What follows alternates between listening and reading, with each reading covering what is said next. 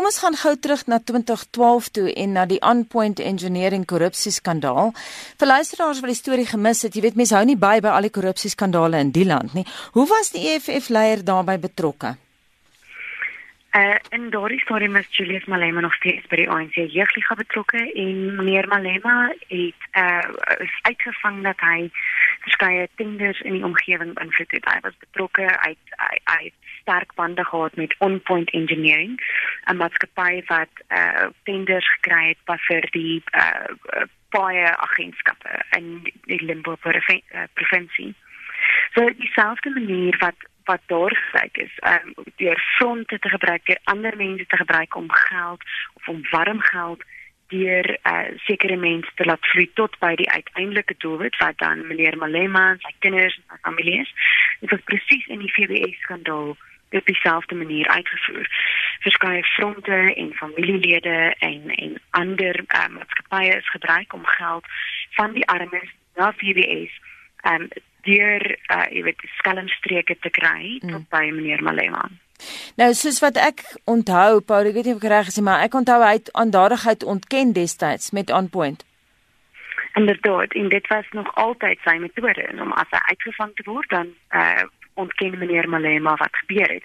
Die ongenade van die saak is dat uh die openbare beskermer destyds mevrou Tuli Maronsela het bevind dat hy wel skuldig was en dat hy wel uh sy Rattenang Trust. Die Rattenang is ook die naam van sy oudste seun wat hy die Rattenang Trust gebruik het om geld te verdoesel en om geld uh na verskeie plekke te stuur waar hy dit nodig sou hê. So dit is moeilik nou vir ons om te glo dat wanneer hy weer hierdie ontkennings maak, om te glo dat hy werklik eerlik is in dit wat hy sê. Paulie, kom ons kyk na julle nuutste bevindinge in verband met die EFF en die plundering van FBS. Ons het nou al Brian se naam in die verband gehoor.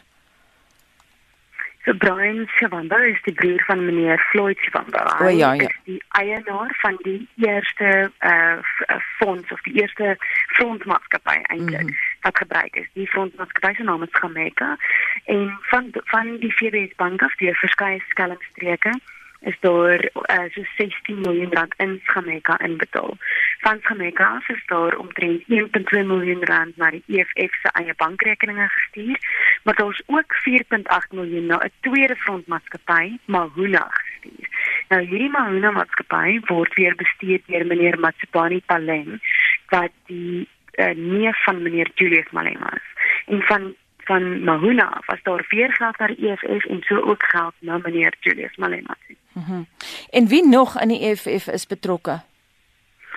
Ons kan nou reeds sien dat meneer Floyd Chivambo geld gekry het uit Jamaica wat sy broer se maatskappy is.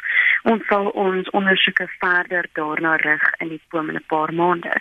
En um, dit blyk wel dat die res van die EFF leiers nie in hierdie stadium betrokke is nie. Ons ondersoek nog die saak, maar daar's geen bewyse dat van hierdie mense geweet het dat die EFF uh, geld gebruik wat uit die FBS bank gesteel is. Nie. Het julle in die proses Paulie met uh, Julius Malema gepraat? Ek het vrae gestuur maandag, mm -hmm. het gevra vir hom en die woordvoerders van die EFF, um, en meneer Floyd Wambel en meneer Dalian Poffel wat die sekretaris is vir al eintlik die algemene voorsitter van die EFF in die land. Ehm um, en vir antwoorde wat ons teruggekry het was was maar geraakte antwoorde was baie kort en en uh, tamelik onprofessioneel. Ehm um, en dit was baie duidelik dat hulle eerder hulle aandag sou gee aan 'n uh, protestering voor die Sonderkommissie teen meneer Pravenkorden as wat hulle aandag sou gee aan aan ernstige sake soos hierdie. Bali, wat bedoel jy by hulle antwoorde was onprofessioneel? Uh, dit is baie aanvallend en um, dit het dit het nie verduidelik wat presies hulle bedoel het nie. Dit was in sommige opsigte baie onduidelik. Dit was on, absoluut ontwykend. Meneer Dalenpool het glad nie antwoorde gestuur nie, want onthou hy is 'n advokaat en teenoor hy is 'n senior advokaat en uh advokate mag nie mag nie uh, uitgevang word dat hulle leuns vertel nie, want dan kan dit hulle self van die rol geskraap kry. So daar was verskeie probleme gewees met die antwoorde. Ehm um, en as jy dit altyd meet teenoor die ANC of die DA of 'n ander maatskappy as antwoord. Was hierdie net so 'n tentoonstelling van mense wat wat eintlik glad nie wil hê jy moet probeer krap waarmee hulle besig is nie. Hoe lank ondersoek julle nou al die saak? Ek uh, kyk reeds na FBS Bank sedert uit uh, die middel van die jaar toe ons gehoor het dat daar groot probleme is en dat die EFF betrokke is. Die die FBS Bank is in Maart onder kuratorskap geplaas. Ehm um, en toe het ons ook reeds uh besef dat dat sake ernstig verkeerd geloop het veral vir die weerloses in die land wat hulle geld in die FBS bank gedeponeer het. En um, so verskeie ondersoekende joernaliste het begin werk aan aan hierdie kwessie sedert die begin van die jaar. En Paulie, alles wat jy nou onder oog gehad het, as jy mens terugdink nou, wat het jou die meeste geskok? Was daar iets wat uitgestaan het bo alles? Ja, daar is 'n paar dinge wat uitgestaan het. Meeste daarvan het ek nog nie geskryf nie, omdat die bronne baie sensitief is in die storie. Ehm um, wat wat wat ek nou reeds kan sê en wat ons oor kan gesels is dat daar sonder om te wik of te weeg arme mense, mense wat in modderre te bly, uh, mense wat fisies is of weduwees is, se geld gesteel is uit FBS om die politieke en en die persoonlike uh, ondersteuning van meneer Julius Malema. En dit is absoluut kokkend. Jy het nou gesê hulle antwoorde aan julle as ondersoekende joernaliste was onprofessioneel.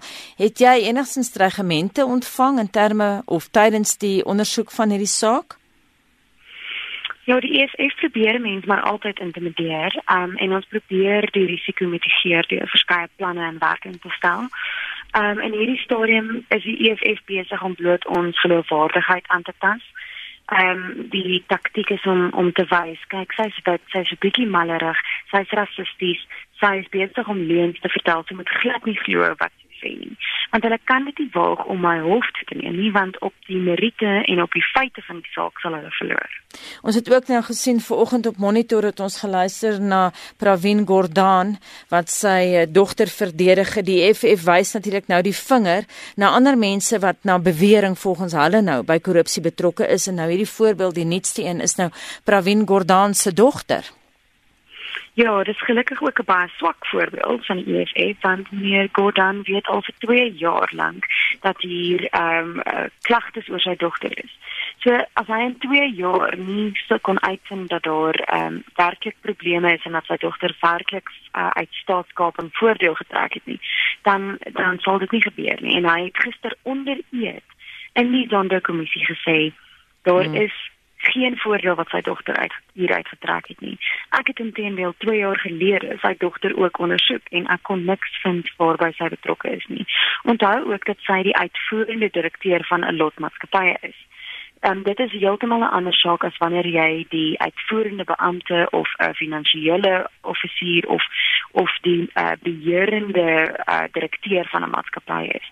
Hier is gaan dit bloot um, Anusha Gordon se rol as 'n nie uitvoerende direkteur gaan bloot oor die bestuur van die maatskappy en nie oor die alledaagse uh um soort van die alledaagse werking en en om met tenders te werk en om tenders te kry nie. Paulie vinnige laaste vraag, jy het nou gesê soos wat jy die storie oopskryf, hulle gaan dit nie waag om jou hof toe te vat nie want alles is gebaseer op feite. Maar hoe sien jy hierdie hele skandaal verder ontvou? Dit is moeilik om jou vraag te antwoord want in hierdie stadium balanseer die politiek op 'n mespunt. Um en om te verstaan wat ek bedoel met 'n mens se stap terugneem. Onthou dat ons in die aanloop tot 'n verkiesing is en dit is 'n baie ernstige kwessie. Die EFF sal alles in hulle vermoë wil doen om hierdie skandaal te mitigeer en te verminder. Um en dis waarom hulle ons as ongeloofwaardig moet bewys.